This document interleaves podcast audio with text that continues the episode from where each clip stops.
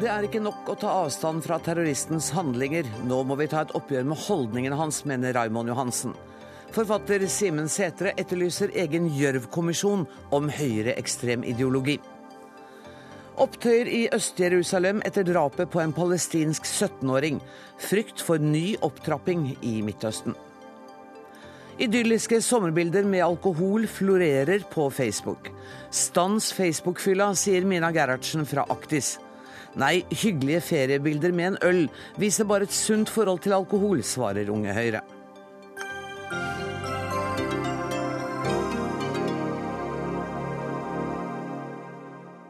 Dette er noe av det som står på menyen i Dagsnytt 18 denne torsdagen, der vi også skal høre at et av temaene under neste års verdensutstilling er tørrfisk, men Norge vil ikke delta.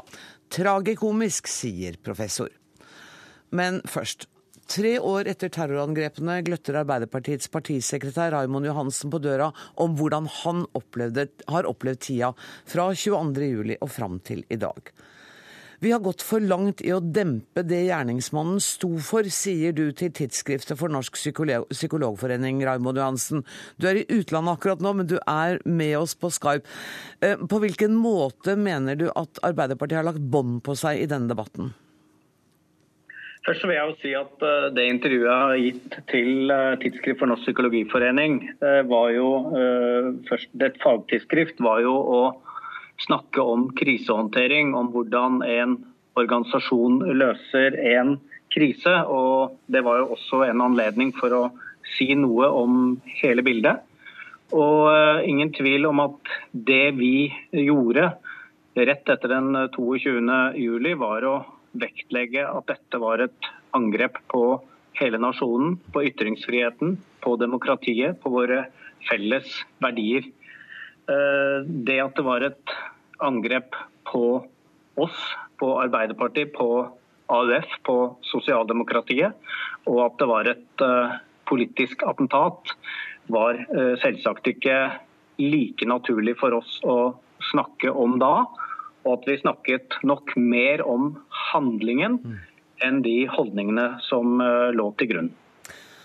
Ja, Det var kanskje ikke tiden for å diskutere handlingene i sånn detalj da.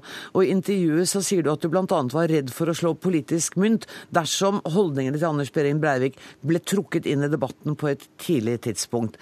Nå har det gått tre år. Um, hva var det du ønsket å si den gangen, men som ble umulig? At det var et politisk attentat. At uh, handlingen kom ut fra noen holdninger som kom fra et sted. Mm. At hatet ikke bare oppsto helt plutselig, men det var uh, jo også dyrka fram. Selv om dette selvsagt var en svært spesiell person som gjorde noen helt uh, uhørte handlinger som ikke har sin likestill i norgeshistorien. Men holdningene kom fra et sted, og de holdningene mener jeg at man må ta et oppgjør med. Fordi handlinger kommer jo først fra at man utvikler noen holdninger, noe syn på sine medmennesker. Og øh, Der mener jeg vi må være tydelige. og Jeg sitter nå i uh, Ungarn, uh, i et uh, land hvor høyreekstreme partier har blitt mye mer vanlig. Hvor hatretorikken har blitt så dagligdags. Hvor man snakker om oss og dem, og uh, som igjen jeg syns er skremmende, fordi uh, menneskeligheten mellom oss blir mindre og avstanden blir større, og da også faren for å begå uhyrligheter større. og Det er dessverre det europeiske kontinents historie full av. Så er, det, er tiden kommet nå for å si at det var et angrep på arbeiderbevegelsen og Arbeiderpartiet mer enn det var et angrep på hele det norske samfunnet? Jeg har ikke lyst til å sette det opp mot hverandre, fordi de eh, holdningene som eh, Arbeiderpartiet står for, og jeg mener det store flertall av de politiske partiene står for rundt demokrati og ytringsfrihet, er, er viktig. Men eh, det er jo ingen tvil om at hatretorikken eh, blant de høyreekstreme miljøene også retter seg i veldig sterk grad eh, mot oss. Men det er, ikke, det er ikke hovedpoenget. Hovedpoenget er liksom de eh, altså de ekstreme holdningene som kommer fra høyrepopulistisk argumentasjon, som man nå ser er veldig vanlig veldig mange steder, f.eks. hvordan man omtaler romfolk. Og hvordan man snakker mange steder om at man føder ikke barn, man yngler barn. Man skaper en avstand. Og I dag så har jeg brukt det der eksempelet som var for eh, en uke siden, hvor eh, en muslimsk gutt på 15 år i Østfold druknet. Og Det ble opprettet en Facebook-side som het at uh, nå var det én muslim mindre. Det burde jo liksom både blant oss politikere, journalister, føre til at man var ordentlig, virkelig indignert. Men man tenker at dette er jo bare noen små gærninger, hvilket det også er. Men det er liksom at det er en grobunn, at det er akseptabelt å omhandle på den, på den måten, tror jeg det er viktig å ta et oppgjør med. Eh, Raymond Johansen, jeg har noen gjester i studio også, men jeg setter pris på om du fortsetter å være med oss på Skype så lenge det går. Og jeg har lyst til å gå først til deg, Eskil Pedersen. Kjenner du deg igjen i det du hører Raymond Johansen sier? Ja, absolutt. Eh, Raymond har helt rett i det han sier. Og eh, dette er noe som vi har etterlyst i disse tre årene. Vi har prøvd å starte debatter knytta til holdningene bak angrepet. Uh, og vi har vel følt at vi har blitt møtt med en nesten øredøvende stillhet blant medier, kommentatorer, men også alle etablerte uh, partier i Norge. Uh, og Derfor er jeg så glad for at han sier det, fordi at vi har et veldig stort ansvar for å gjøre alt vi kan for at dette ikke kan skje igjen. og da har vi brukt mye tid på handlingene, beredskapen, Gjørv-kommisjonen, og det har vært veldig viktig. Men ikke nok tid på holdningene. Og det viktigste vernet mot at terror kan skje, er jo at Eh, det ikke er grobunn for holdninger som kan bidra til nettopp det. Og Samtidig så er jo virkeligheten sånn at når du i går hadde et innlegg i Aftenposten, så ble kommentarfeltet av en slik karakter at det måtte stenges. Eh, og for de fleste også opplevdes ikke den, eh, det innlegget ditt som særlig provoserende, men det var det altså. Det er jo jeg vant til, og mange politikere vant til, dessverre. Men det at hatet er tilbake på nett, det florerer i kommentarfeltene eh, på sosiale medier. Eh, eksemplene som Raymond bruker om denne unge muslimske gutten, mm. altså, det burde jo opprøre oss. Det burde dekkes. Men det er knapt noe nasjonalt medie som har dekket de holdningene og den saken. Eh, det er tre år siden dette skjedde. Det var et sjokk i Norge, og det var veldig viktig å snakke om fellesskap, tverrpolitisk eh, samhold i den tiden. Mm. Men eh, det var et angrep på min organisasjon. Han drepte mange unge framtidige politiske ledere. Han prøvde å drepe meg, han prøvde å drepe og ønsket å drepe mange andre politiske ledere i Arbeiderpartiet. Og det var en årsak til det. Det var det flerkulturelle, det var hatet mot mangfoldet. Og vi som politikere har et ansvar, og mediene har et stort ansvar for dette. For å snakke om det. Harald Stanghelle, du hører at eh, kritikken går jo mot sånne som deg og meg her. Ja, jeg hører det, og så tror jeg at den kritikken eh, eh går an til å problematiseres. Fordi at jeg tror at en av de tydeligste politiske virknadene av 22.07 for den norske debatten, det var at vi fikk synliggjort et hat som hadde vært i eh, enkelte nettforums ekkokamre, eh, og som på en måte ikke hadde kommet opp til overflata. Eh, jeg husker at veldig mange var overraska over det som Anders Behring Breivik eh, førte et eh, advokatur for i manifestet sitt. At det gikk an til å skrive sånn, mene sånn. Antifeminismen, f.eks., mm. som ofte er blitt underspilt i, i, i hans budskap. Eh, og så viser det seg at dette var jo ikke noe sært for han. Det var ganske mange som gjorde det. Eh, jeg mener vi har synliggjort eh, dette her. Jeg mener at vi skriver veldig mye mer om ekstremisme enn vi gjorde før 22.07. Men jeg tror en av vanskene er at det er ingen som står opp for dette i den etablerte debattvirkeligheten. Og dermed så møter det på en måte ikke den type motstand som det burde ha, ha møtt. Men, men, når du hører at altså Eskil Pedersen sier at han har etterlyst en en bredere debatt om det, og har blitt møtt med øredøvende taushet. Raymond Johansen bruker ikke akkurat de ordene, men, men, sier jo noe av det samme. Er det litt grunn til selvransakelse på medias vegne her? Altså, Det finnes det jo alltid. Det finnes jo ingen debatt der det er ikke grunnlag for selvransakelse, også fra oss i medienes side. Men jeg syns at eh, det er vanskelig å kjenne seg igjen i det med øredøvende taushet, når du vet hvor mye vi har diskutert i disse åra. Men kan noe av grunnen være at Arbeiderpartiet selv, og AUF også, som Raymond Hansen sa, la litt lokk på? Det, har, det, var ingen uenighet, det var ingen skarpe diskusjoner i partiet etter eh, terroren 22.07. Og man skulle møte den med verdighet, og gatene skulle fylles av kjærlighet. Og da ble det liksom ikke rom til noe ordentlig politisk skrivning. Ja, Det er jo den ene delen av virkeligheten. Den andre er jo at eh, det var nasjonal konsensus om dette. Og det er jo som Raymond Johansen sier, at det var også nasjonale verdier som ble angrepet. Eh, det var ingen av det etablerte politiske miljøet som på en måte hadde flørta med det som Anders Behring Breivik eh, sto for. Og derfor så fikk du heller ikke den debatten. Og så er jeg helt enig med det som Raymond Johansen sier i dette intervjuet, at det er jo ingen tvil eh, i at Behring Breivik ønsker å ramme eh, eh, Arbeiderpartiet spesielt, og Arbeiderpartiets ungdom spesielt. Og det fikk vi dessverre da også mer enn mer bevis enn vi noensinne hadde, hadde drømt om og, og frykta for at det var det han gjorde. Men det var mer enn det, for det var på en måte en del av disse fellesverdiene i det norske samfunn som ble angrepet. Simen Sætre, du er journalist i Morgenbladet og har også skrevet bok om Fjordmann, en av Anders Behring Breiviks inspirasjonskilder. Du sa til en kollega av meg tidligere i dag at egentlig så trenger vi en Gjørv-kommisjon eh, om ideologien bak handlingene. Hva, hva legger du i det?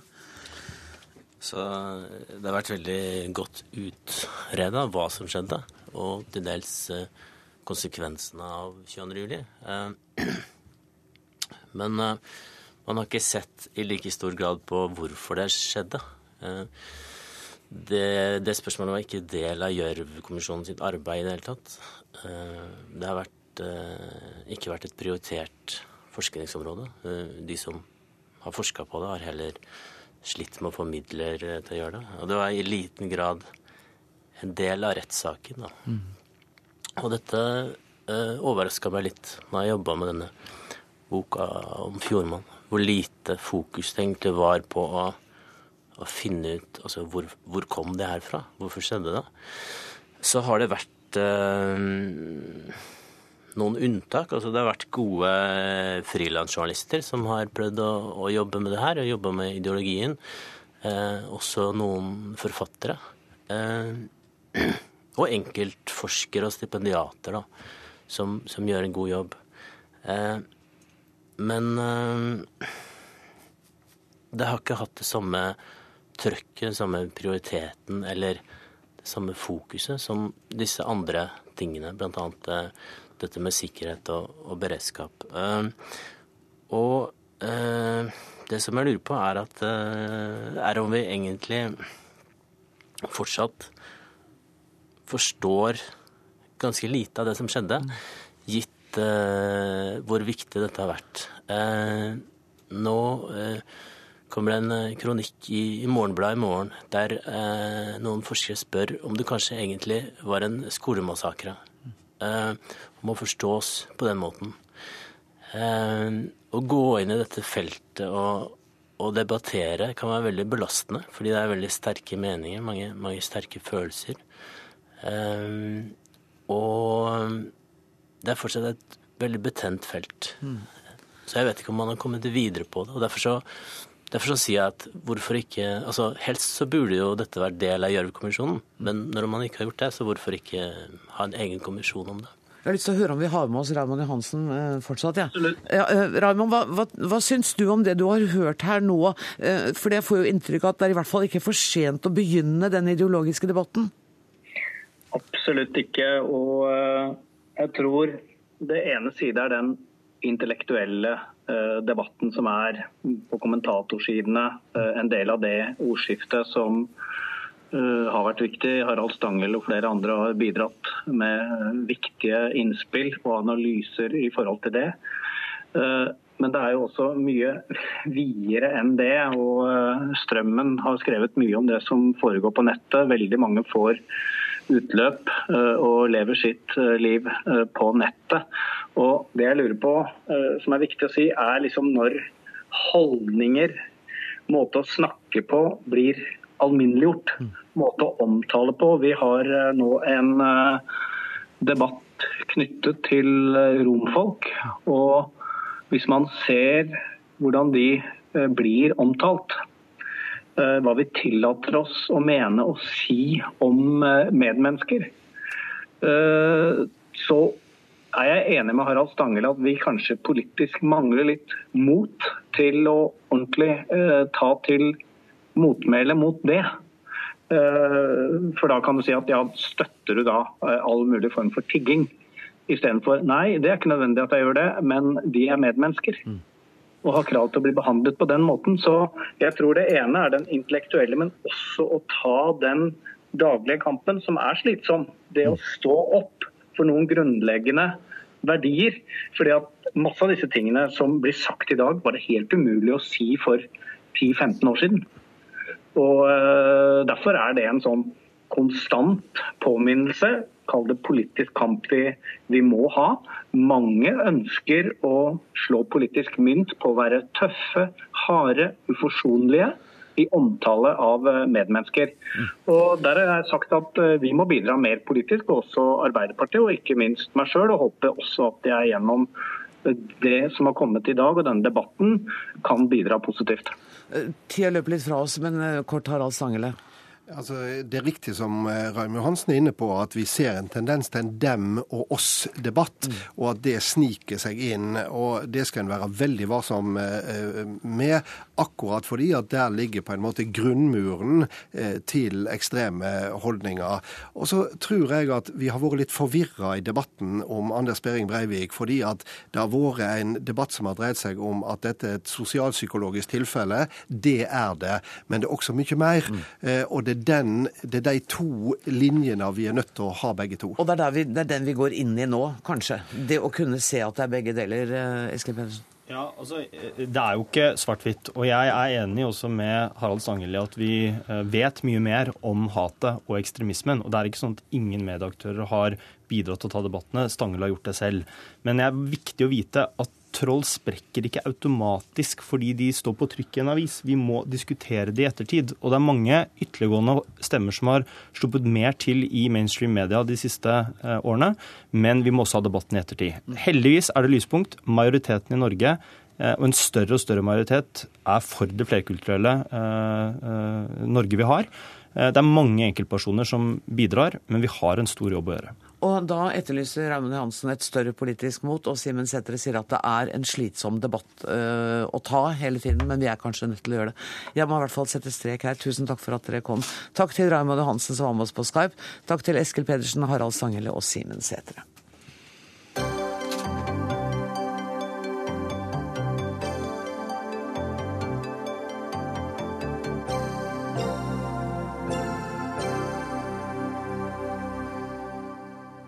Vi skal til Israel. Det er varslet opptøyer etter dagens begravelse av den palestinske tenåringen som ble drept onsdag. I går var det store sammenstøt i Øst-Jerusalem etter drapet, som av mange blir sett på som hevn for drapet på israelske tenåringer.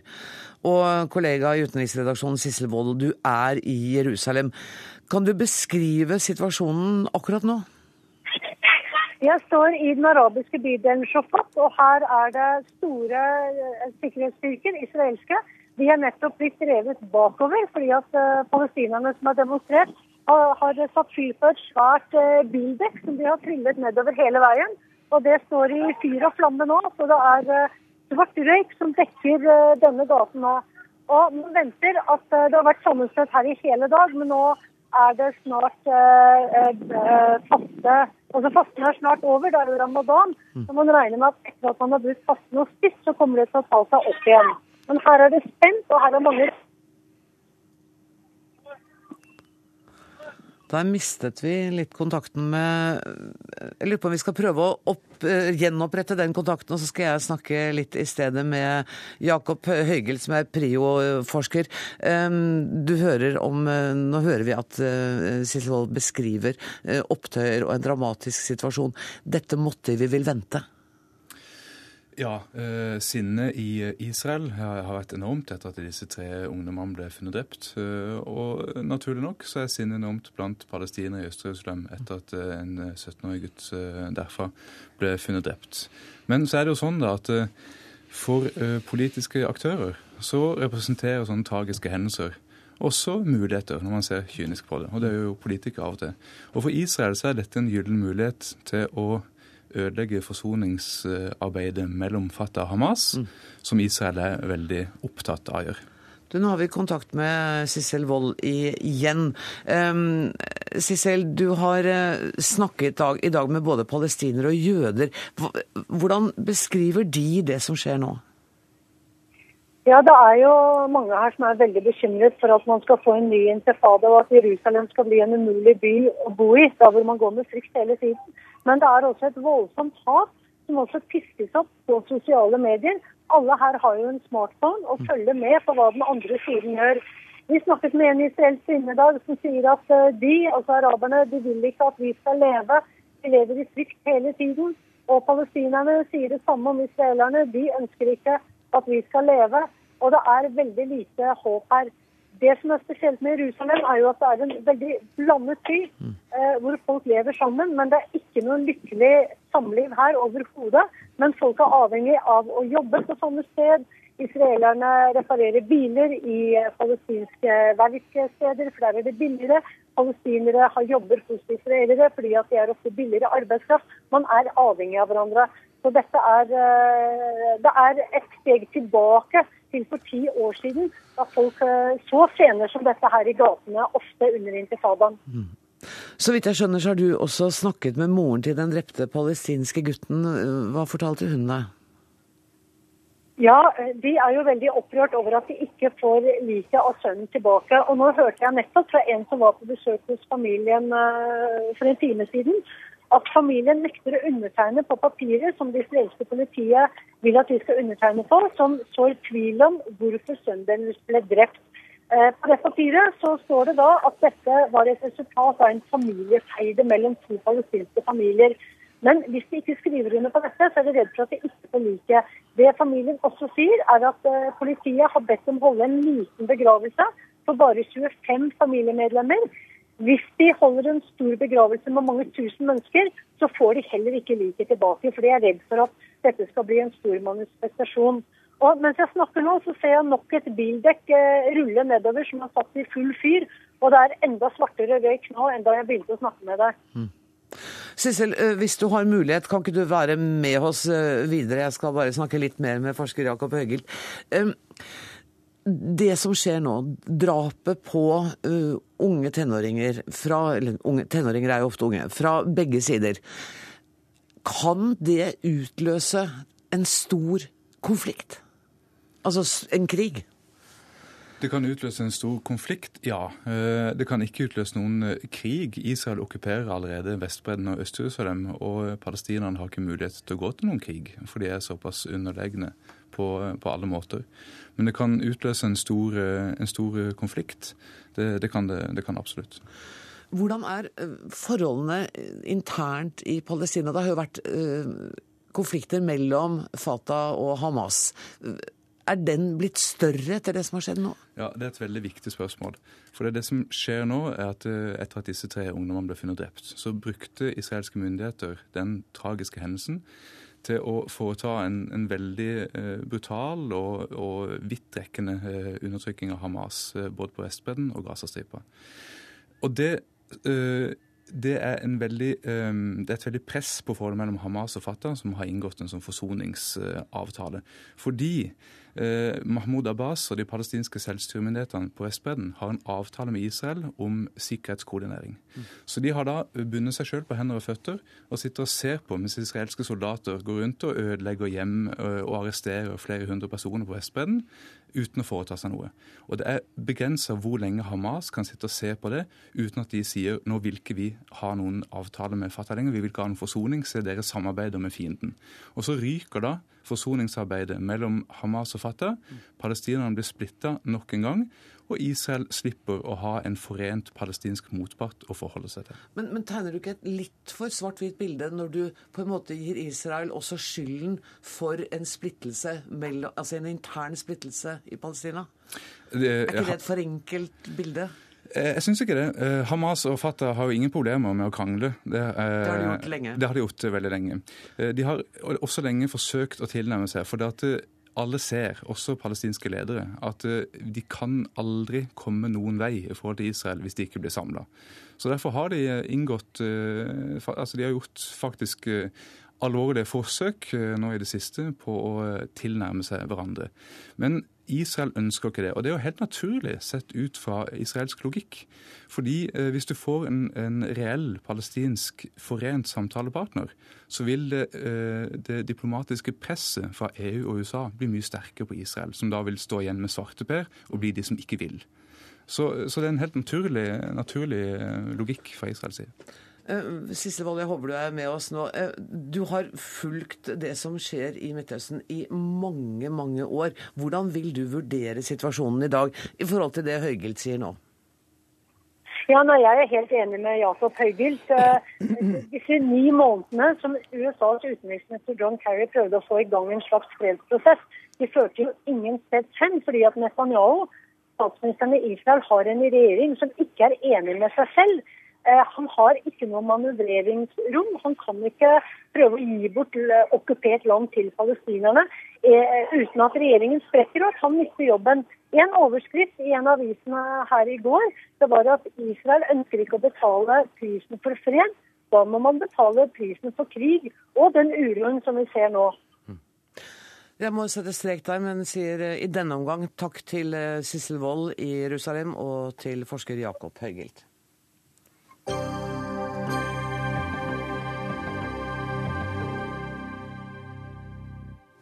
Flere hundre unger i Oslo bruker i verste fall flere timer hver dag på å komme seg til og fra barnehagen sin. Slik hadde det ikke trengt å være dersom regjeringen eh, hadde innført to barnehageopptak i året, mener kritikerne. En av kritikerne er deg, Bjørnar Moxnes. Du er leder i Rødt. Du er selv småbarnfar. Og hvilke utfordringer har du med å få levert i barnehagen, for å være litt personlig her nå? Nei, Som mange andre småbarnsfamilier så har vi en ganske lang reisevei til barnehagen. Eh, det er vel halvannen time eh, hver dag til og fra. Og det er jo ikke ideelt da, for en toåring å bruke halvannen time til og fra. Og det er også det omvendte av en hjelpende hånd til, til, folk som er i tidsklemma. Og det er fordi vi har, vi flytta på oss eh, internt i Oslo, og ikke fått da plass der vi flytta til, men, men beholdt den vi, den vi hadde. Og det som er Grunnen til problemet er jo at Høyre ikke har gjort jobben sin. Ikke har bygd nok barnehageplasser der, der familiene som har småbarn i Oslo, bor. Så det er det som er roten uh, til problemet, at de ikke har, har, levert nok barnehageplasser. Og Det betyr at mange småbarn bruker altfor mye tid uh, hver dag i bil eller på trikk eller buss eller bane. Hvordan syns du det skulle vært da? Nei, altså Løsninga på dette her er jo at det bygges flere barnehageplasser der småbarnsfamiliene bor, som er utafor uh, sentrum ofte. Men som et strakstiltak da, så kunne vi kanskje kobla de som da pendler én vei i Oslo, type fra Holmlia til Sognsvann. da, de som pendler andre veien, fra Sognsvann til Holmlia. Bytte for, barnehageplass, liksom? Ja, altså ja. muligheten da, til barnehagebytte for de som ønsker det. Nå er det ingen må måte å koble de to familiene på i Oslo, fordi byrådet ikke har lagd noen sånn mulighet for det. Eh, det kunne i hvert fall hjelpe litt på, på, kort sikt. Eh, på lengre sikt så må jo Høyre ta ansvar i Oslo. De har styrt her i 20 år snart og, og bygge nok barnehager der folk bor. Det har de ikke lyktes med. De har ikke gjort jobben sin. Og det er jo årsaken til dette unødvendige lange reisetida for smårollingene som ikke er spesielt spesielt kult for dem. Ta på deg hodetelefonen, skal du få høre hva Øystein Sundelin sier. Han sitter i Oslo bystyre for Høyre. Eh, hvordan reagerer du på Moxnes eh, sin angrep? Nei, jeg tror eh, Det høres ikke ut som han har fått med seg den voldsomme takten i barnehageutbygging som har funnet sted i Oslo de siste årene. Og så hører jeg at han ønsker å ha to barnehageopptak i året. Dvs. Si en ekstra kapasitet utover full barnehagedekning. Og jeg har ikke noe prinsipielt imot det, men jeg har et budsjett som ikke lar seg gå opp i balanse dersom jeg skulle innført det. Og hadde jeg hatt Moxnes eh, sine lekepenger og et budsjett som ikke trengte å gå opp i eh, balanse, så kunne man selvfølgelig bygd 1500 barnehageplasser over natta. Men Øystein Sundlin, eh, du sier at du har ikke noe prinsipielt imot to barnehageopptak. Men så vidt jeg har skjønt, så er det da virkelig alminnelig politisk enighet om at man skal gå inn for to barnehageopptak? Ja, og da er det et prioriteringsspørsmål. Ja. Vil man over de neste fire årene bruke en halv milliard kroner på dette og tre kvart milliarder på investering i barnehageplasser? Det er en politisk eh, prioriteringssak hvis man eh, vil eh, finne pengene for det. Det er det ingen partier i Oslo bystyre som foreløpig har funnet pengene til. For at dette ikke bare skal handle om Oslo, så har vi også invitert Truls Wickholm. Vi har også invitert Kunnskapsdepartementet, men de hadde ikke anledning til å stille. Men Truls Wickholm, du sitter i finanskomiteen på Stortinget for Arbeiderpartiet. Dere klarte jo heller ikke å få til to barnehageopptak i året. Disse problemene er jo arva fra dere. Jeg vet at det kommer Høyre til å si. Ja, Det vi klarte, det var jo å innføre full barnehagedekning, og vi klarte å få en makspris. Og det er Bare for å ha et bilde på det, da, så var det jo sånn at når vi kom inn i 2005, så handla det om skal vi ha full barnehagedekning eller ikke. I løpet av den perioden så gikk debatten fra å handle om det til å handle om skal vi ha ett eller to opptak i året. Og jeg må si at jeg oppriktig trodde at Høyre kom til å jobbe for, gå inn for, to barneopptak. Jeg hørte Linda Katrine Hofstad Helleland før valget som snakka om at det var rigid, det var gammeldags, det var nærmest eh, kommunistisk. Eh, og hun beklaga seg over at dette til og med ødela eh, for sykehusene, fordi folk tilpassa sånn at fødslene hopa seg opp i juni-juli. Sånn at her trodde jeg at Høyre hadde et oppriktig engasjement. Vi la inn i Stoltenberg-regjeringens siste budsjett 7000 flere barnehageplasser. 4000 ekstra, som vi vet vi trengte, og nesten 3000 for å begynne jobben med to opptak, sånn at alle barn født før 1.11. ville ha fått en plass. Men det Sundelin gjorde, var jo å prøve å realitetsorientere ja, dere når det, gjaldt økonomien i dette. Det har du ikke gått inn på? Det har jeg ikke gått inn på, men det jeg går inn på det når jeg snakker om budsjettet. Eh, og hadde ikke det vært for Sundelins egne partikamerater på Stortinget, så ville jo Sundelin fått flere barnehageplasser til Oslo. Så når Høyre har vært for dette i si, opposisjon. Eh, opposisjon. eller verbalt, så har de begge steder de er i posisjon, altså i landet og lokalt, vært imot det. Sunnelin, du må få lov å svare på dette. Ja, jeg eh, skal ikke svare for hva som har vært diskutert og tatt opp på Stortinget. Men for oss som da sitter med dette lokalt, i mitt tilfelle i Oslo kommune, så har ikke vi hatt noen eh, tilgang til noen skattkiste fra verken regjeringen Stoltenberg eller tidligere Eh, tidligere regjeringer. Vi er nødt til å eh, investere 750 millioner kroner eh, i dag dersom vi skal ha mulighet for to barnehageopptak i Oslo. Og vi er nødt til over de neste fire årene å bruke over 430 millioner kroner på drift for å ha to barnehageopptak. Det er ikke det at jeg er imot to barneopptak, det er bare at det er utrolig vanskelig å finne disse pengene. Og det har det vært for samtlige partier i bystyret, også Truls Wickholm. Jeg har to, eh, to, forslag da, hvis man først skal, skal finne inndekning. Eh, ja, og Hvis du nevner OL nå, Moxnes, så har du brukt det så mange ganger at de lar seg ikke bruke på dette én altså gang til. Dere vil bruke over 300 millioner bare på OL-søknaden. Der kan man spare mye penger på å droppe det. Det vil jo ikke bli noe OL i Oslo, så det er bare å droppe det først som sist. For det andre så bruker vi altså i Oslo nærmere 1 milliard i året på eksterne konsulenter som bruker gjerne 4000 kroner timen for å gi oss råd som vi kunne kommet på selv. Så det er mulig å finne inndekning hvis, det er politisk vilje til det. Så er jo problemet at Høyre bare avfeier dette. De, de ser ikke på det som et stort problem. Det er ganske arrogant mot Nei, alle de familiene som bruker timevis hver, hver, dag til og fra barnehagen, og spesielt for de barna som, som, lider av det. Så det å kanskje være litt åpen her og vurdere om ikke barnehagebytte ennå kunne vært en mulighet, mener jeg ville vært eh, lurt av Høyre. Men vet og, du hvor mange i Oslo det ville gjelde? Ja, i dag så er det sånn 4659 eh, personer eh, barnehagependler. Av dem er det satt 470 pendler tvers over eh, hele byen. En del fordi de eh, har, har en jobb like ved den barnehagen, andre fordi det er en lang reisevei. Jeg har sjelden fått så mye respons som etter den saken som var i Dagsavisen i går, hvor jeg tok opp det problemet her. Det er mange i Oslo som uh, syns det er et ork å skulle reise med en skrikende toåring to timer hver dag til for barnehagen. Sier du det? Ja, jeg sier det. Og det, og det er jo Høyres ansvar å rydde opp i. Og det ansvaret burde Sundelin ta, mener jeg. Sundelin, du skal få svare fort før jeg Ja, slipper jeg til skulle gjerne møtt hvilken som helst av de 4000 barna i en budsjettdebatt istedenfor Moxnes. Jeg tror det hadde vært seriøst. Men hvis jeg skal være litt konstruktiv på hans forslag, så er jeg helt enig at vi skal se på muligheter for barnehagebytte for de som helt åpenbart har en mulighet av geografiske kollektiv eh, arbeidsplassgrunner i byen til å bytte barnehageplass. Kan vi finne gode løsninger for det, så er jeg mer enn gjerne med på å se på det, for det tror jeg ikke engang er kostbart, og det tror jeg kan spare oss Er dere ikke glad dere har Dagsnytt 18 hvor dere kan få løst disse tingene her? må vi skrive bak øret.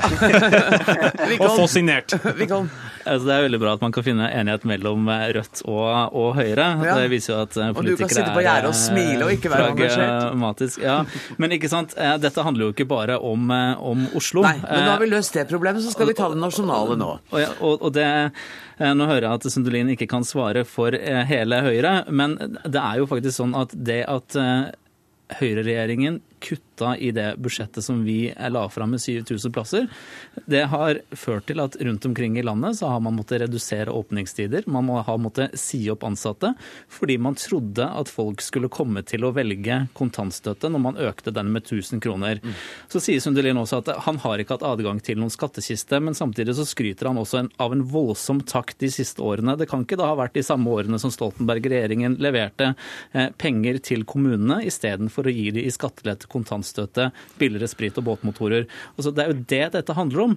Hvis man prioriterer hva de store pengene skal brukes til, så kan man få til bedre velferd, bedre tilbud for innbyggerne. Nå er det vel ikke noen bombe akkurat at eh, dere er uenige om prioriteringene mellom Arbeiderpartiet og Høyre, men jeg vet ikke, Sundelin, har du lyst til å snakke litt om det nasjonale perspektivet, selv om du sitter i Oslo?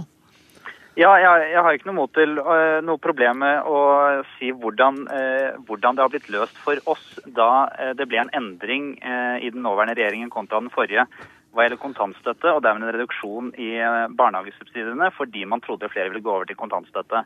Det håndterte vi gjennom våre egne budsjetter i Oslo. Og da det i tillegg ble et revidert budsjett mellom de borgerlige partiene på Stortinget, så fikk vi ytterligere midler til Oslo.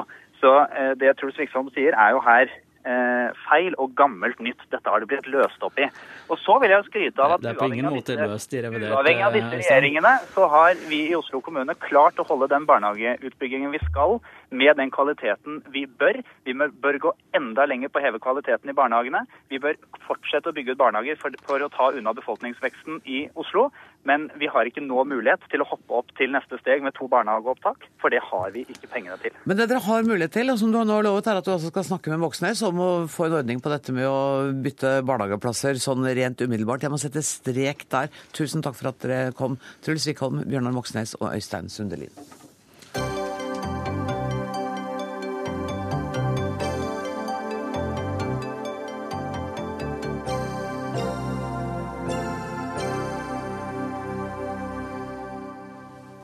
Er mange nordmenn som nyter sommeren, og det setter også sitt preg på sosiale medier. På Facebook florerer det nå bilder av det gode liv. Ofte med alkohol, et glass rosévin og bare tær i sjøkanten, skåling i godt lag, eller to glass og en flaske i solnedgangen. Men er det bare hyggelig og idyll? Det mener ikke du, Mina Gerhardsen. Du er generalsekretær i Aktis, som er rusfeltets samarbeidsorgan. I et innlegg i Dagbladet i dag skriver du om det du kaller Facebook- Facebook-fylla. er det det? Det er jo bare en betegnelse på et fenomen vi ser nå. At det er en veldig vekst av mengden bilder. Der, eh, så den bildestrømmen som går, så er det veldig mye sol og glede og alkohol inn i bildene. Og det vi mener er at det er med på å gi et inntrykk av at alkohol hører veldig tett sammen med det å hygge seg. At skal det være skikkelig kos, så skal det også være et glass i hånda. Det er problematisk av flere grunner. Eh, For det første så vet vi at nordmenn drikker stadig mer. Eh, Det kom en rapport denne uken her om at vi har økt forbruket med 40% på 20 år. Og det, det er jo ikke bra for folkehelsa, og det er ikke bra for de andre skadene alkohol gir fellesskapet vårt. Med utrygge unger og mer vold og den type ting. Eh, Facebook-fyll er også en holdningsmarkering eh, som kan være vanskelig for de som ikke drikker. Det, det, er ekskluderende for dem. Det kan være vanskelig for de som har et problematisk forhold til alkohol fordi de sliter sjøl eller fordi de sliter med andelsforbruk. Og så er det ganske mange ungdom som er på Facebook, og som da ser at voksne sier klart at skal det være hyggelig, skal det være alkohol. Og Derfor ønsker vi å ta opp den debatten. Men, men ser du at du også kan gi uh, folk som har et helt normalt forbruk av alkohol, en skyldfølelse ved å ta seg et glass vin når du går så sterkt ut? Aktis er ikke en avholdningsstasjon. Og vi mener også at det er helt greit å sitte i sola med et glass. Ikke sant? Eh, det er greit å vise litt alkovett. Eh, men det vi tar opp her, er, det, det trenger du ta bilde av og legge det ut. For det er med på å gi et signal om at alkohol hører med når det skal være hyggelig. Mm. Og som jeg sa, Vi, vet at nordmenn drikker stadig mer. Eh, det er en veldig stor økning, og det kan vi møte på to måter. Vi kan øke, møte det med alkoholpolitikk, og det snakker jeg gjerne med sidemannen om, for der har vi noen meninger om regjeringas nye forslag. Og så er det å møte det med mer bevissthet og holdninger. At vi kanskje tenker litt mer over hvilke holdninger formidler, og er litt mer bevisste på hvordan det kan påvirke andre. Kristoffer Gustavsen, du er sidemannen hun refererer til. Du er andre nestleder i Unge Høyre. Um, hva syns du om utspillet fra Mina Gerhardsen? Nei, Jeg syns det er litt uh, spesielt uh, når hun begynner innlegget sitt med å skrive at uh, det er synd at folk legger ut et bilde av en pils i strandkanten og kaller det for Facebook-fylla. så vet jeg ikke helt hva Mina mener med fylla, men jeg tror vi skal erkjenne at veldig mange nordmenn i dag eh, tar seg en øl eh, og mener at det er hygge. Men må de ta bilde av det og sende det ut? Nei, men jeg syns ikke Mina skal være moralen som sitter og sier hva folk skal legge ut og hva folk ikke skal legge ut. Mm. Men er det, er det, etter din mening også en overdreven prosentdel av alkoholbilder, eller er det eller Nei, altså, eh, Mina mener jo at dette er et alkoholproblem. Jeg mener jo at dette er en utvikling vi har sett i hele verden, med bilder av folk som trener, bilder av mat på sosiale medier. Altså, det er jo ikke sånn at det bare er mer alkoholbilder. Det er mer bilder generelt, og da er det åpenbart også mer alkoholbilder. Så eh, jeg syns ikke dette er en skummel utvikling i det hele tatt. At folk tar seg en pils og koser seg, det syns jeg er helt greit. Men er det ikke sånn at det er unge nede i 13 år som, eh, som, har tilgang til Facebook, og sikkert noen yngre også, men det er i hvert fall aldersgrensen. Er, det, er ikke det litt bekymringsfullt? Jo, men det er jo en diskusjon om hvor unge folk skal være når de får Facebook. da. Og så er det også sånn at jeg tror at voksne folk som har eh, mange unge venner, eller unge venner på Facebook, de bør også tenke over en gang til hva de legger ut på Facebook. Så du er litt enig? Jeg er enig i at folk burde tenke over hva de legger ut uansett. Mm. Eh, men eh, jeg syns ikke det er problematisk at folk legger ut et bilde av seg selv med en øl i hånda en fin sommerkveld. Mina, Skulle du ønske deg restriksjoner på noen måte her? Absolutt ikke. Nei. Det vi ønsker å oppnå, er at flere snakker om det og tenker over det. Og jeg synes Det er veldig fint det du sier, at folk bør tenke litt over hva de legger ut. Jeg har ikke noe behov for å være noen moralens vokter og noen Facebook-sensur. Men at vi i flere sammenhenger tenker over signalene vi gir. Og det er mange ungdom på Facebook, og mange av oss eh, har eh, venner med slektninger og sånn som er eh, under 18 år. Og i andre situasjoner så prøver jo foreldre og andre voksne å kanskje ikke drikke alkohol foran barn og ungdom mens det plutselig er greit med fri flyt på Facebook. Og det er, jeg er helt enig med deg, det er ikke fyll at det er et bilde av et glass vin. Men det er det signalet det gir om at nå skal vi kose oss, nå skal det være alkohol. Og når vi veit at det er såpass store problemer med høyt forbruk av alkohol, og at ganske mange sliter Vi tror at ca. én av ti drikker for mye av de som drikker alkohol. Da er det jo et mål å få det forbruket ned for å få ned problemene. Og Da må vi jobbe med politikken. Eh, vi må f.eks. la være å øke taxfree-kvote, svekke reklameforbudet, den type ting som regjeringen nå foreslår. Men så krever det også at vi snakker med hverandre om hva vi syns er greit og ikke greit. Men eh, Mina, du har et behov for å være moralens vokter. For eh, det du ønsker med denne artikkelen, det er jo åpenbart å gjøre folk som tar seg en pils og tar et bilde av det, eh, at de skal få dårlig samvittighet. For det er åpenbart det de får når du skriver at konsekvensene er så forferdelig store av at folk tar seg en pils i strandkanten. Og nummer to så sier du at nordmenn drikker mer enn det de gjorde, altså mer og mer. Det er feil. Ifølge Sirus så er alkoholforbruket gått ned med 8% de siste årene. Rapporten som kom på mandag, viste at forbruket vårt har økt med 40% på 20 år. Alle grupper drikker mer, bortsett fra ungdom. Ungdom drikker litt mindre, det er veldig bra. Men alle drikker mer. Stordrikkerne drikker mer. Kvinner drikker mye mer enn før. Eldre drikker mye mer enn før. Så vi, har, vi står i en situasjon hvor vi har en utfordring med alkoholbruk. Og da er jo, sånn, Hvordan møter vi det når vi vet hvilke folkehelseproblemer det gir? Og andre problemer de gir for trafikksikkerhet, for trygghet, for voldsbruk, for unger som vokser opp med voksne som drikker for mye. Og da må vi diskutere det. og Dette er en måte å diskutere det på. Men Mina, sier den rapporten fra 2008 at alkoholforbruket har gått ned eller opp? Fra 2008. Nå husker jeg ikke alle Nei, vet du hva vi- sier ned. men, eh, tror det var- Ja. Men dere opererer med to forskjellige statistikker, og det tror jeg ikke vi kan forholde oss til. Jeg, jeg må rett og slett eh, sette strek, takke dere for at dere kom. Oppfordre dere til å gå ut og ta bilder og legge ut noe på Facebook av hva dere nå gjør for å kose dere. Tusen takk til eh, Kristoffer Gustavsen og til Mina Gerhardsen. Det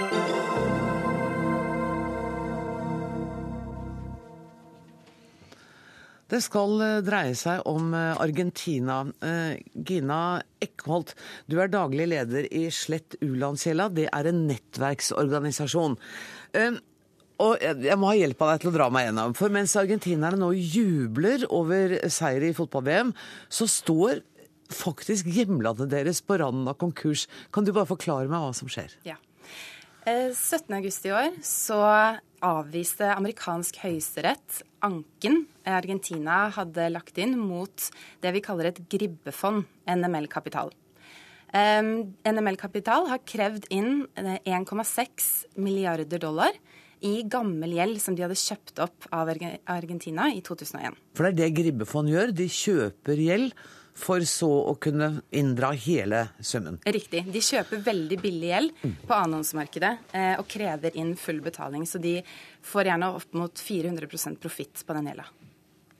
Og det, hva har det ført til for Argentina? Jo, um dette er snakk om mye penger. Ehm, Argentina har oppført seg veldig ordentlig siden krisen i 2001, eh, hvor de har forhandlet med 93% av kreditorene sine eh, for å restrukturere gjelda og gjøre det mulig at de i hvert fall får tilbake noen av pengene de lånte ut til Argentina før krise. Eh, 7% av kreditorene har sittet på gjerdet eh, og ventet på å kunne kreve inn full betaling. Nå har vi en domsavsigelse som Fra sier- USA. fra USA, som har blitt valgt som, til å være en nøytral tredjepart i denne saken, eh, som sier at dette gribbefondet skal få full tilbakebetaling. Det gjør det dyrt for Argentina eh, å skulle betale pengene tilbake, både til de snille kreditorene og gribbefondet, hvis man kan si det sånn. Eh, og det denne dommen også innebærer, det er at de er nektet å betale hvis jeg kan gjøre det enkelt, de snille kreditorene gjennom amerikansk banksystem. Det er altså av de 93% av kreditorene som de inngikk en avtale med om å betale tilbake deler av gjelden, eh, som de sa ja til, de får heller ikke noe penger nå, for denne dommen setter en sperre for det. Ja. Denne dommen eh, de kaller det likebehandling av kreditorer. Eh, Det mener jo ikke jeg at det er, fordi likebehandling krever jo også at man oppfører seg likt. Eh, Og flertallet av kreditorene i denne saken har jo oppført seg pent, eh, men blir nå straffet gjennom amerikansk banksystem og rettssystem. Hva mener du er løsningen her, da? Eller hva mener din organisasjon er løsningen? Slett U-landsgjelda? Slett gjelda? Ja. Slett u-landsgjelda. Det er ikke alltid så enkelt, Nei. heldigvis. På den korte, det korte svaret, og det kortsiktige svaret, er at eh, kreditorene som har oppført seg ordentlig, skal ikke straffes. Så det må finnes en måte Argentina kan få betalt denne gjelda på, før de går det man kaller teknisk konkurs i slutten av juli. Men det har jo Argentina gjort før. Ja, de har gjort det før, og de har reforhandla gjelda før. Eh, og eh, man, det er jo egentlig en annen historie, men da sa man jo at investorene aldri kom til å komme tilbake til Argentina. Etter seks måneder så var de tilbake, og etter et år så var investeringene tilbake på et godt nivå i Argentina. Så det å gå teknisk konkurs er ikke så farlig. Men nå må vi først finne en måte å betale de snille kreditorene på. Eh, og én løsning man ser på der, er å flytte alle lånene fra USA og kanskje over til London. Halvor Melum, du er økonomiprofessor ved Universitetet i Oslo. Er dette et eh, isolert argentinsk problem, eller henger det sammen med hele den finansielle krisen som verden har stått i? Nei, Det at gribbefondene opererer eh, og litt uten eh, skikkelig lov, lovgivning knytta til aktiviteten, det er et eh, fenomen som verden har opplevd nærmest siden gjeldens ja, første, første gjeld for eh, 100-200-300 år siden. Så, så disse har vært i, i markedet, og det de gjør er å kjøpe gjeld på billigsalg når de ordinære kreditorene tenker at her er det ikke noe penger å hente. Og så de, gir de full gass og går hardt ut og håper å få igjen noe, eh, og da alt i de tilfellene de får inn noe. Og så må de akseptere at de ikke får igjen noe eh, noen andre steder. Men, dette er en del av ja. Mm, men altså, Når da en amerikansk domstol gir dem fullt medhold Jeg ville jo tro at eh, en amerikansk domstol ville gjennomskue hva det var disse gribbefondene drev med? Ja, men det gribbefondene gjør er for så vidt lovlig, men det er ikke så veldig mye konkurslovgivning som begrenser dem. Så det de gjør er å appellere til eh, en klausul som var knytta til disse lånepapirene, hvor det sto at alle, hvis man skal betale tilbake til noen, så skal man betale tilbake til alle. Og det at noen har forhandlet seg fram til en ordning hvor de bare skal få 30% det spiller ikke noen rolle for disse gribefondene. Så de forlanger 100% De andre aksepterer 30% Og når da gribbefondet ikke får noe, selvfølgelig, så kan de gå til amerikansk rett og si at eh, heller eh, ikke skal det betales noe til de andre, som har akseptert en eh, langt mer beskjeden løsning. Men, men, det at Argentina da i løpet av denne måneden, hvis de ikke har betalt inn slutten av denne måneden, er de teknisk konkurs. Er du enig med Gina Ekholt i at det, er, det i seg selv er ikke dramatisk, men det er konsekvensene som blir så dramatiske? Ja, Det er ikke så veldig dramatisk. og Det skyldes at i og med at det er gribbefond som er årsaken til det Midt i en eh, interessant argumentasjonsrekke forsvant eh, Halvor Melum eh, for oss. Vet du hva, Gina Eikholt, jeg må bare si tusen takk for at du kom, og så må vi sette strek der. Dette her, og der er du, ja. Dessverre, vi mista deg en stund, så vi fikk ikke med hele, hele argumentasjonsrekka di. Men tida løper litt fort. Vi må heller, jeg skal gjøre som jeg pleier å gjøre, invitere dere tilbake når vi ser resultatet av dette. Tusen takk skal dere ha, Gina Eikholt og Halvor Melum.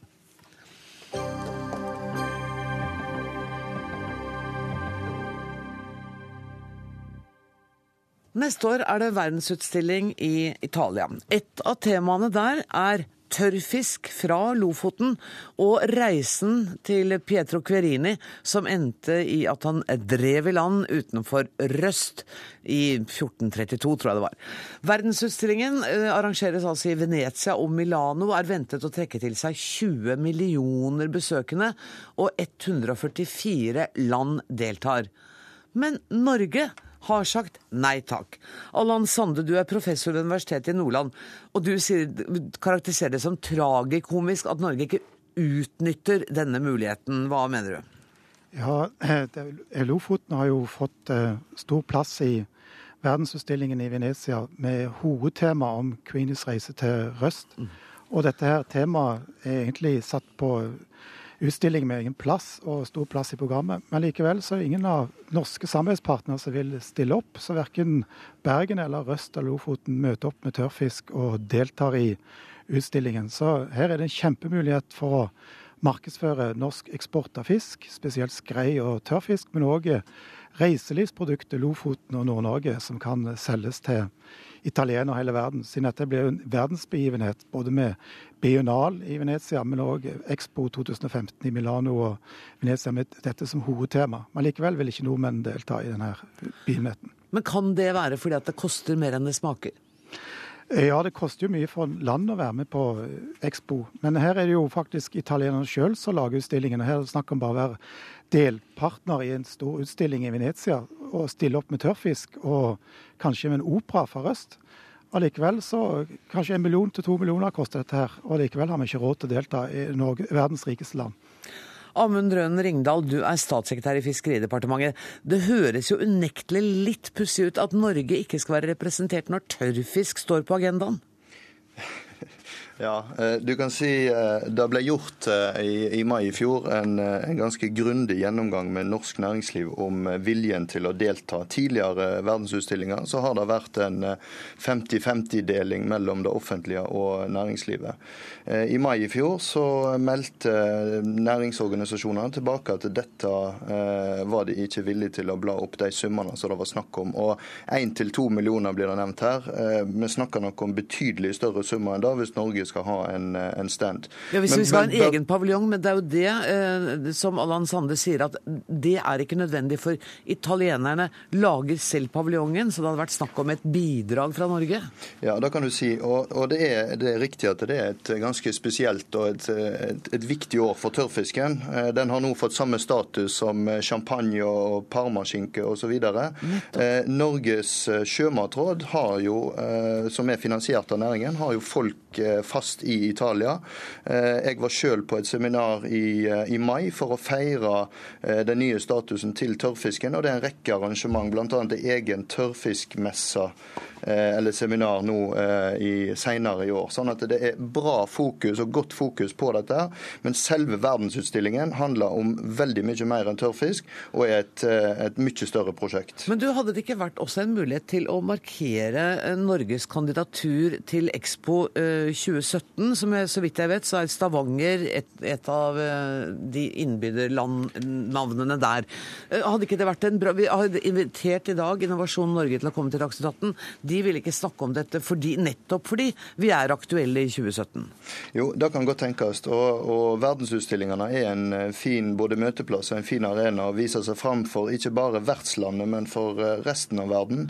Men som sagt så har det vært gjort ganske grundig arbeid med norsk næringsliv og viljen til å stille opp på dette. her. Og den har ikke vært eh, sterk nok. Og jeg tror nok at norsk næringsliv eh, er god på å måle hvordan de bruker midlene sine best mulig for å markedsføre produktene sine og tjenestene sine. At eh, Expo i denne omgang ikke eh, kom høyt nok. Anne Beate Tvinnereim, du er andre nestleder i Senterpartiet. Hva syns du om det du har hørt nå? Jeg syns det her er en skikkelig tapt mulighet. Altså, jeg er også stolt av tørrfisken, og det hadde vært flott å være på Expo og eh, profilere norsk tørrfisk.